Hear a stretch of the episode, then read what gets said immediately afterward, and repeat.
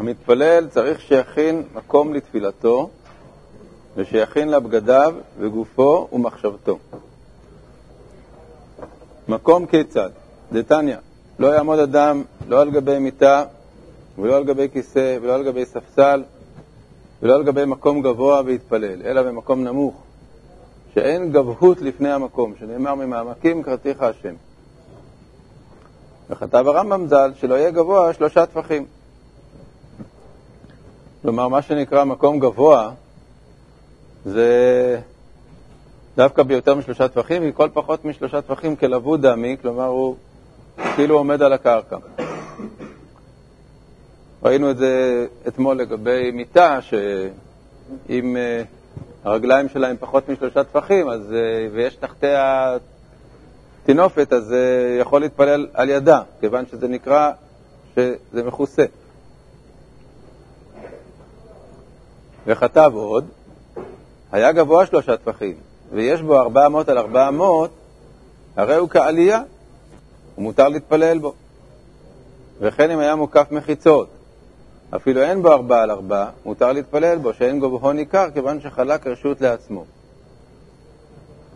מה שכתוב שמקום גבוה לא עומדים עליו ומתפללים, אז בתנאי שהוא לא נקרא רשות לפני, בפני עצמו, אבל אם הוא רשות בפני עצמו, וזה יכול להיות בשתי אפשרויות, או שהוא מקום שיש בו ד' עד ד' אמות,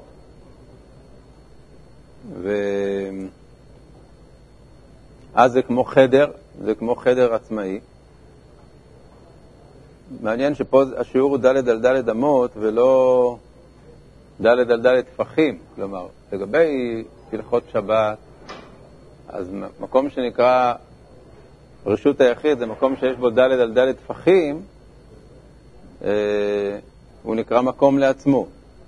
אבל פה הרי לא מדברים על רשות יחיד, לא מדברים פה על, על זה שצריך גובה עשרה אה, במקום הזה, אלא המקום הזה הוא מקום פתוח, הוא גבוה,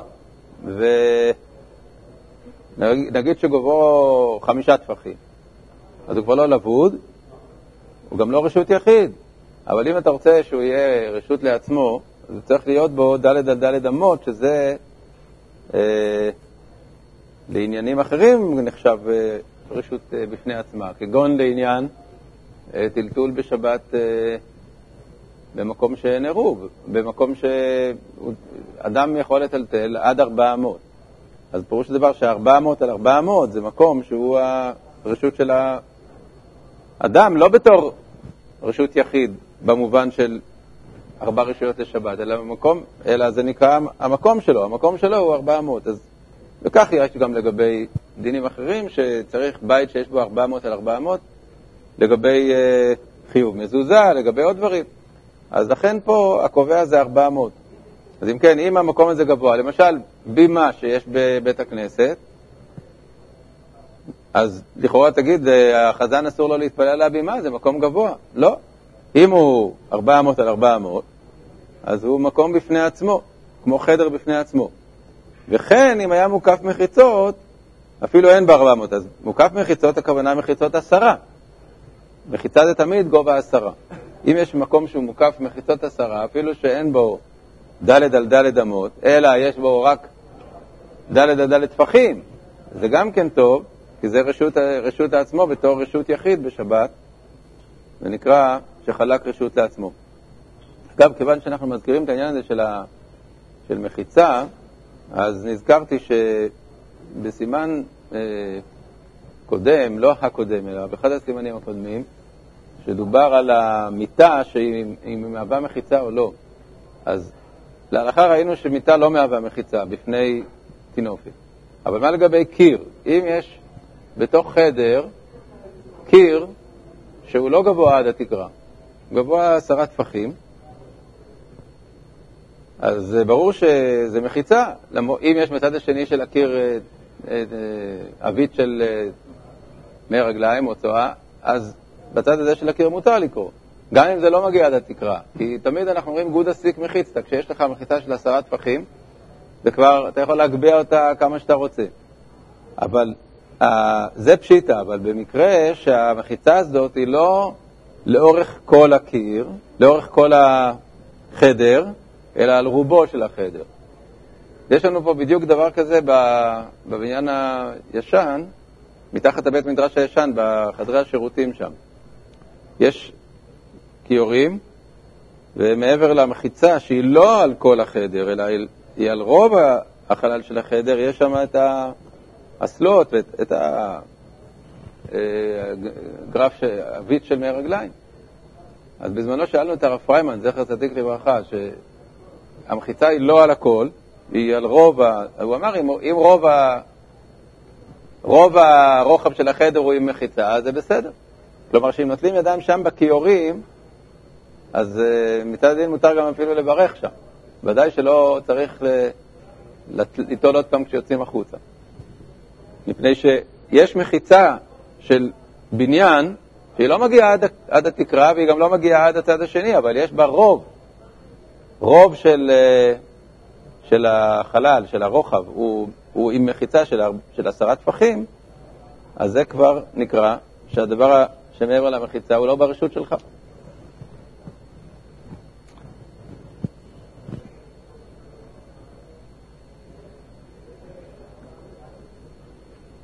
האומנים שעושים מלאכה לבעל הבית יכולים להתפלל בראש הזית או בראש התאנה.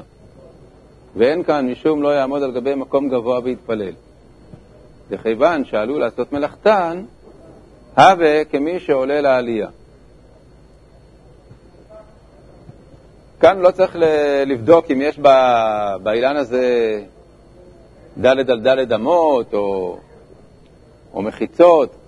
עצם זה שזה אילן שעולים אה, ועומדים שם בגובה בתור מקום שהאדם עומד שם בשביל צורך מסוים, צורך של מלאכה, זה כבר נקרא שהוא לא עומד במקום גבוה ומתפלל, כי זה לא דרך גבהות, הוא לא עלה על איזה מקום בשביל להתבלט, הוא עלה למקום הזה, זה המקום העבודה שלו, אז ממילא אה, אין פה את האיסור הזה, ולכן יכולים לקרוא בראש העץ. כן. אז כן, לגבי כוונה אנחנו תכף נראה. אה, ובשאר האילנות צריכים לרד. מפרש בירושלמי, הטעם הוא לא בגלל uh, מקום גבוה, זה ברור, אמרנו שבראש זית ובראש תאנה מותר. שאר האילנות צריכים לרד. מפרש בירושלמי הטעם, לפי שטרחתן מרובה, פירוש שטורח להן באלו לרד יותר מבשאר אילנות. כלומר, בזית ותאנה, שיש בהם ענפים מסובכים, אז לא הצריכו אותו לרדת בגלל הכוונה. אבל בשאר אילנות שאפשר לרדת בקלות, אז בגלל הכוונה הוא צריך לרדת. כי זה לא לכתחילה לעמוד על אילן ולהתפלל, זה דבר שהוא לא נוח, יכול לבלבל את האדם ולהטריד אותו. אז אם זה דבר שטרחתו מרובה לרדת משם, אז הוא, התירו לו להתפלל שם. אבל בשאר אילנות צריך לרדת, לא להתפלל על האילן. ובעל הבית בכולן צריך לרדת. בעל הבית שהוא בכלל לא צריך להיות על האילן, הוא, הוא לא הפועל שעובד שם, אלא הוא עלה בשביל לראות משהו, אז אותו חייבו כן לרדת בגלל העניין של הכוונה, בכל האילנות, אפילו בזית ותאנה שטרחתן מרובה. לפועלים שטרחתן מרובה, אז לא רוצים שהם יפסידו זמן מהעבודה. זה קשור לעניין של מוסר עבודה. לכאורה, מה, מה אכפת לנו? אם בעל הבית צריך לרדת, אז למה לא נגיד גם לפועל לרדת? כי לפועל, אם הוא צריך לרדת וזה לוקח זמן, אז הוא מפסיד מהזמן של העבודה, ואנחנו נראה עוד שמוסר העבודה של חז"ל היה מאוד מאוד גבוה, והם הם, אה, הקלו בכל מיני דברים של תפילה וברכות וברכת המזון, בשביל שפועלים לא יבזבזו זמן מהזמן של העבודה. אני אומר של חז"ל, כי זה, בימינו זה השתנה, ואנחנו נראה את זה בעזרת השם. וצריך שיהיו לו חלונות פתוחים לו. אז המקום של התפילה צריך, א', לא להיות מקום גבוה, ב', כיוון שהוא הזכיר את העניין של מקום גבוה, אז הוא גם הזכיר את העניין של ראש הזית וראש התאנה, שזה לא מצד הגובה, כלומר, להגיד שמצד הגובה אין בעיה. וצריך שיהיו חלונות פתוחים לו, דאמר רבי חנינא, לא יתפלל אדם אלא בבית שיש בו חלונות. שנאמר וחבין פתיחן ליה בעיליתי.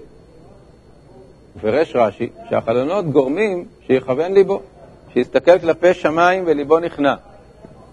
ולפי זה צריך שיהיו פתוחים לאותו רוח שיתפלל. כלומר שהחלונות יהיו כאלה שהם בכיוון של התפילה, והוא יכול לראות מהם את השמיים. אה, זה כמובן רק אה, לכתחילה, ואין אה, אין כמובן שום בעיה להתפלל בבית שאין בו חלונות, אם אין לו כרגע מקום כזה שיש בו חלונות. וגם בבתי כנסיות, אז בדרך כלל עושים היום את החלונות דווקא בצדדים, לא, ב, לא מול המתפללים. ו...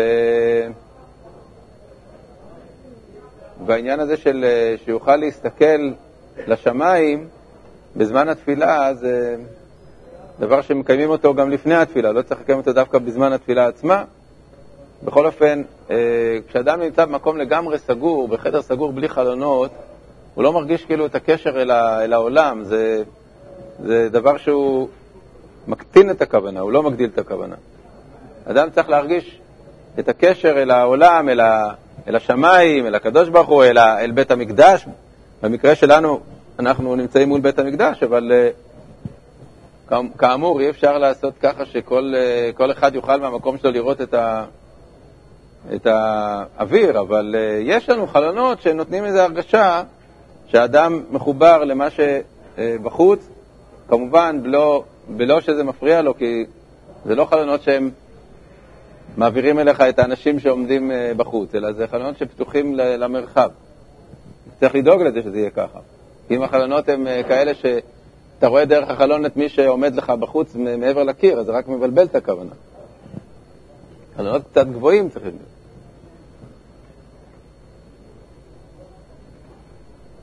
ולא יתפלל במקום פרוץ כמו בשדה. אז מצד אחד אנחנו אומרים צריך שיהיה אה, חלון החוצה, לה, לה, לאוויר העולם. מצד שני, להתפלל במקום פתוח לגמרי, זה לא רצוי. דאמר רבא חציף עליי מאן דמצלי בביקתא, פירוש בבקעה. כי שם זה פחות, אה, פחות צנוע, פחות אה, במצב של אה, כאילו התכנסות של האדם. אז שני הדברים לא טובים. מצד אחד לא טוב להתפלל במקום סגור לגמרי, שאתה לא רואה את החוץ, מצד שני, להתפלל בחוץ זה גם כן לא כל כך טוב. אז כמובן, זה לכתחילה, אין, אה, אין, אה, אם, אין, אם אין לאדם באותו זמן אה, בית כנסת או בית, אז הוא יכול להתפלל גם בחוץ. אבל רצוי לא להתפלל תפילת שמונה עשרה בחוץ, ולא בחורבה. חורבה, יש כמה סיבות שלא מתפללים בחורבה, כפי שהגמרא בהתחלת ברכות אומרת, אבל uh, לא משנה, כל הסיבות הן uh, כאלה שאין שם יישוב הדעת, או שיש שם, uh, יש שם כל מיני חששות שבן אדם יכול לחשוש מהם במקום שהוא לא בית מיושב, אלא חורבה, יכול לחשוש שפתאום יצא לו משם איזה נחש או משהו אחר, ולא לא מקום של כוונה.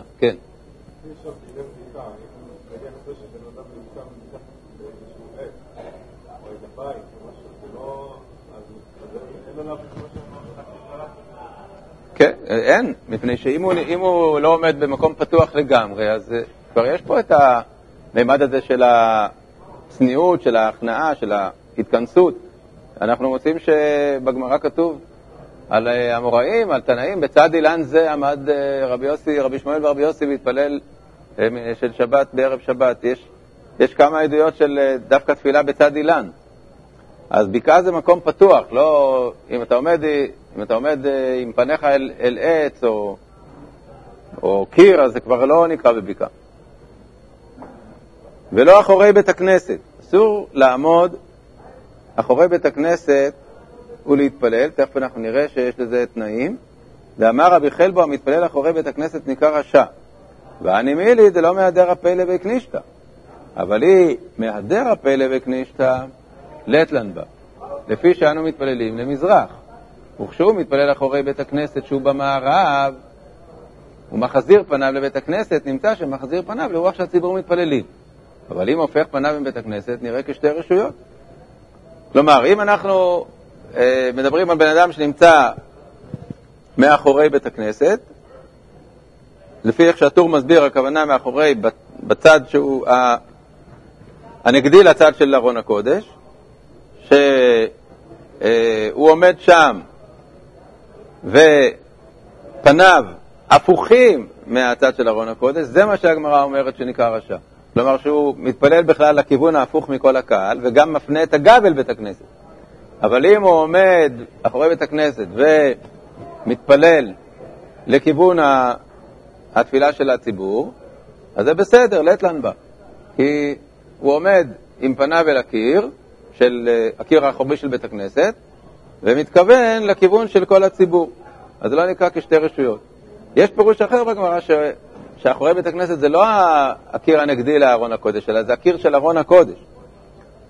ושם יש אומרים שאם הוא עומד מאחורי הקיר של ארון הקודש ומתפלל בכיוון שהציבור מתפללים, אבל אחוריו אל ההיכל, אחוריו אל הקיר של ארון הקודש, אז זה מה שהגמרא אוסרת.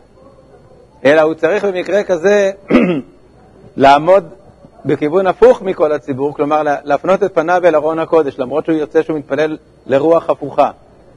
זה פירוש אה, של אחד הראשונים. בכל אופן, אה, יש ברש"י אה, גרסאות, שלפי אחת הגרסאות זה, זה, זה פירוש רש"י בגמרא. בכל אופן, להלכה כתוב ככה, שלא לא מתפללים בכלל בצד של ארון הקודש, מאחורי הקיר, לא ככה ולא ככה. כלומר, לא, לא עם הפנים כמו הקהל, כי אז זה אחוריך אל ההיכל, ולא עם הפנים אל ההיכל, כי אז אתה מתפלל לרוח הנגדית מכל הציבור. בצדדים של בית הכנסת זה גם כן בעיה לעמוד ולהתפלל לכיוון של הציבור, מפני שאז אתה עומד עם, עם הצד שלך לבית הכנסת, ולא, אה, ולא בכיוון של ההיכל. והדרך היחידה שהיא מותרת זה רק מאחורי בית הכנסת, דהיינו בקיר האחורי, בקיר שהוא בצד ההפוך מהצד של ארון הקודש, ועם הפנים לבית הכנסת. אם אדם נקלע למצב שהוא צריך להתפלל בצד בית הכנסת, כלומר באחד משני הקירות הצדדיים, אז הוא בשעת הצורך יכול לעמוד שם ולצדד את פניו לכיוון ההיכל. כלומר, שאם הוא עומד לא כזה ישר, מקביל לקיר של בית הכנסת, אלא הוא מצדד את פניו לכיוון ההיכל. אם הוא נמצא בצד ימין של בית הכנסת, הוא פונה קצת שמאלה, ואם הוא נמצא בצד שמאל של בית הכנסת, פונה קצת ימינה, כך שהוא מתפלל לכיוון ההיכל, ומבחינת כיוון התפילה הוא יוצא לא בדיוק למזרח, נגיד כשמתפללים למזרח, אלא קצת לדרום או קצת לצפון, זה לא נורא מפני שמעיקר הדין מותר להתפלל אה, לא בדיוק למזרח, אלא קצת לצפון או קצת לדרום, זה מה שהגמרא אומרת, הרוצה להעשיר יצפין, הרוצה להחכים ידרים, אז שם הפירוש הוא שהוא מצדד את פניו קצת לכיוון צפון או קצת לכיוון דרום. אז מי שנקלע למצב שהוא עומד בצד בית הכנסת ולא יכול לעמוד אחורי בית הכנסת והוא צריך להתפלל שם, אז זאת התקנה שלו, שהוא יעמוד בצידוד באופן שהוא מתפלל לכיוון ההיכל, לא מקביל לבית הכנסת אלא לכיוון ההיכל, וזה יוצא אה, כיוון אה, אה, הציבור עם סטייה מסוימת. אבל הכי טוב זה במקרה כזה להתפלל מאחורי בית הכנסת בכיוון הציבור. ואפילו לעבור אחורי בית הכנסת בשעה שהציבור מתפללים אסור, שנראה כחופר, כיוון שלא נכנס. והנימילי כשהוא פנוי, אבל כשהוא נושא מסוי, ניכר שמפני מסעו נמנע. ואפילו אם הוא פנוי, אם הוא לבוש תפילין, נראה שאינו כופר. ואפילו אם הוא פנוי בלא תפילין, אם יש בית הכנסת אחר בעיר, או שיש לאותו בית כנסת פתח אחר, אין לחוש. שאין לחושדו כחופר, זה שמא ייכנס בפתח אחר, או לבית הכנסת אחר. אז העניין שלא לעבור על פתח בית הכנסת בזמן שהציבור מתפללים, זה רק כאשר זה הבית כנסת היחיד במקום, והאדם אין עליו מסע ואין עליו תפילין. אז אסור לעבור, אלא צריך להיכנס לבית הכנסת, אפילו הוא יתפלל כבר. צריך להיכנס לבית הכנסת כדי שלא ייראה שהוא לא רוצה להצטרף בתפילת הציבור, כגון במקומות, קיבוצים או מושבים קטנים שיש בית כנסת אחד, זהו, זה בית הכנסת. אז בזמן התפילה אתה עובר על יד בית הכנסת וזה לא נכנס? זה אסור, כן. בסדר, כמה מניינים שידוע שבשעות קבועות, אז זה גם בסדר. כאן הכוונה שיש בית כנסת אחד וזמן אחד לתפילה. לא יתפלל אדם אלא בבית הכנסת עם הציבור. ואמר רבי יוחנן, אין תפילתו של אדם נשמעת אלא בבית הכנסת. פירוש, עם הציבור. אז כמובן שהלשון לא יתפלל אדם אלא, לא פירושה שאם הוא, שאם הוא לא יכול להתפלל עם הציבור, שלא יתפלל. אלא לכתחילה, שיתפלל בבית הכנסת עם הציבור.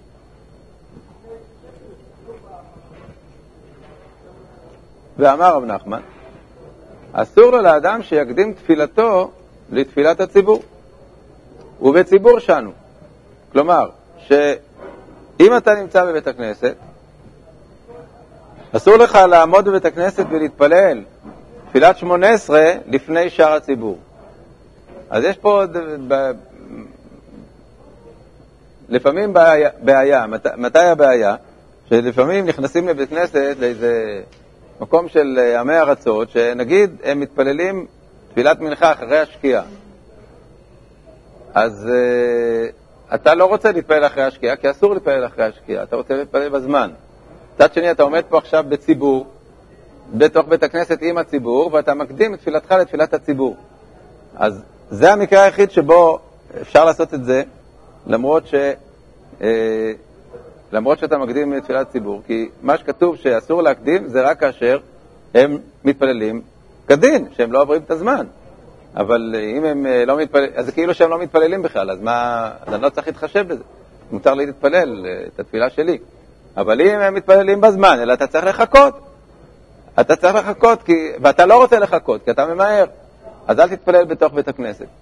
יש מצב שבו הבן אדם נכנס לבית הכנסת ויודע שמתפללים אה, מנחה פה בעוד... אנשים כבר יושבים, התחילו להגיד קורבנות, והתפללו בעוד עשר דקות, והוא ממהר.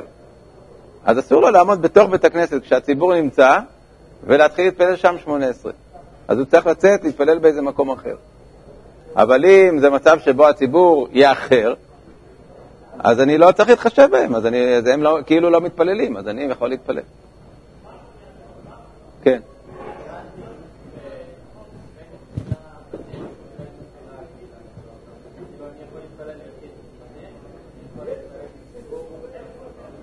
זה, זה כתוב בפירוש שאדם שמתפלל באופן קבוע בתפילת ותיקין, כלומר בהנץ החמה, אז זה עדיף יותר מאשר תפילת ציבור.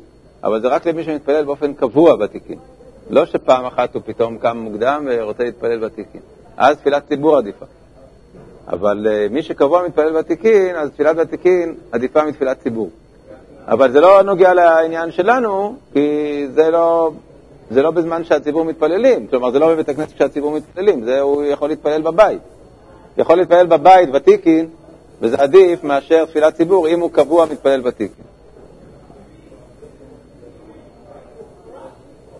ואפילו אם הוא אנוס שאינו יכול ללכת לבית הכנסת, טוב לו לכוון השעה שהציבור מתפללים בה. דכתיב, אני תפילתי לך השם עת רצון, ודרשינן מתי הוא עת רצון? בשעה שהציבור מתפללים. אז זה עוד דין, שלא רק את המקום להתפלל עם הציבור, אלא גם הזמן של הציבור הוא גם כן זמן עדיף מאשר זמן אחר, ולכן אדם שלא יכול ללכת לבית הכנסת, שיתפלל בשעה שהציבור מתפללים.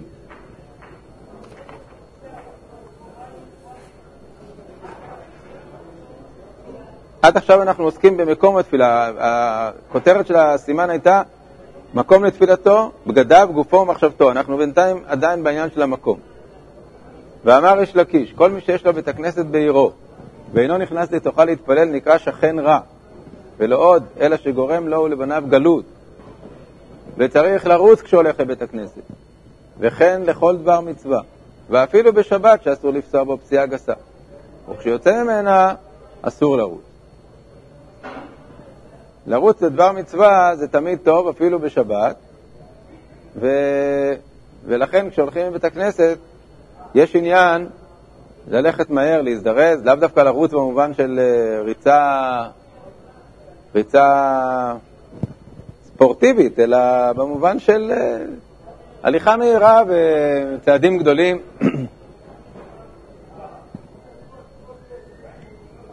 כשיוצא ממנה, אז הפוך, אז, אז צריך ללכת בנחת, לא, ב, לא ב, בהליכה מהירה כאילו שאתה בורח משם.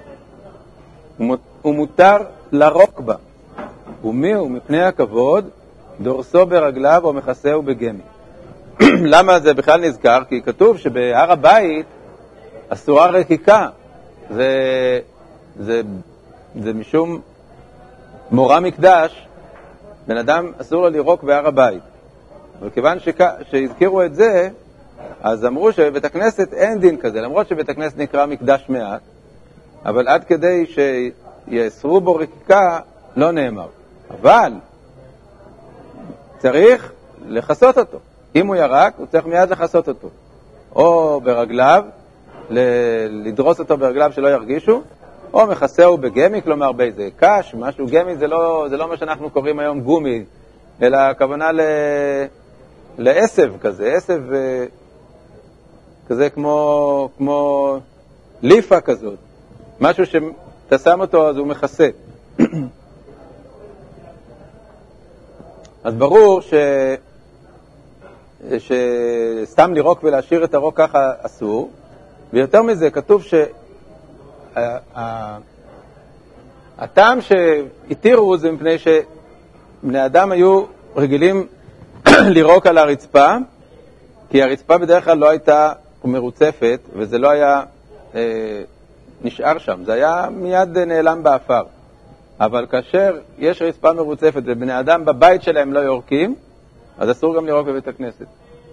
זה הגדר של, ה, של ההלכה היום, שאם אתה לא יורק בבית על הרצפה, אז גם בבית הכנסת אסור לירוק. ואמר רבי יהושע בן לוי, לעולם ישכים אדם לבית הכנסת כדי שימנה עם עשרה הראשונים, שאפילו מאה באים אחריו נוטל שכר כנגד כולם, כי הוא יוצר את המניין. ואמר רבי יהושע בן לוי לבניו, הקדימו והחשיכו לבית כנישתא, כי היכי דתוריכו יומי. פירוש, השכימו והרימו והריבו לבית הכנסת, כדי שתאריכו ימים.